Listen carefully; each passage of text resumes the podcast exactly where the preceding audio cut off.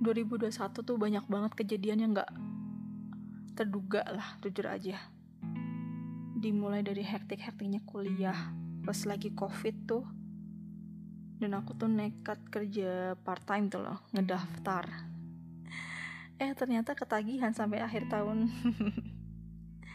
Terus tiba-tiba waktu di discord itu aku daftar casting audio drama tanpa direncana loh itu.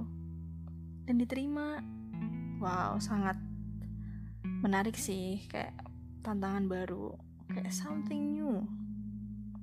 Dan yang terakhir ini bisa ikutan 30 hari bersuara. Meskipun telat banget bikinnya ya gimana ya?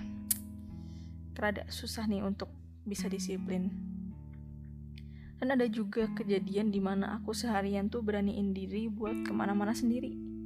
Cobain sesuatu sendiri awal-awal sih aku selalu khawatir gitu kayak aneh nggak ya kalau ke sini sendiri aneh nggak ya kalau makan itu sendiri Sampai nih, tiap mau ke mana-mana, aku tuh ngerecokin temanku lewat chat. Cuma buat tanya, e, Mbak, kalau aku makan di sini, misal sendirian, aneh nggak ya? Kayak bakal diliatin orang nggak ya? Ya padahal aku udah tahu sih jawaban temanku tuh apa. Pasti jawab, nggak aneh kok, gas aja sih, gitu kan katanya. Ya akhirnya sampai sekarang keterusan deh. Nyaman juga kok kalau percaya diri ngapa-ngapain dan ke mana-mana sendiri. Kayak enak aja gitu. Ya pokoknya banyaklah kejadian menarik yang aku alamin di tahun 2021 ini.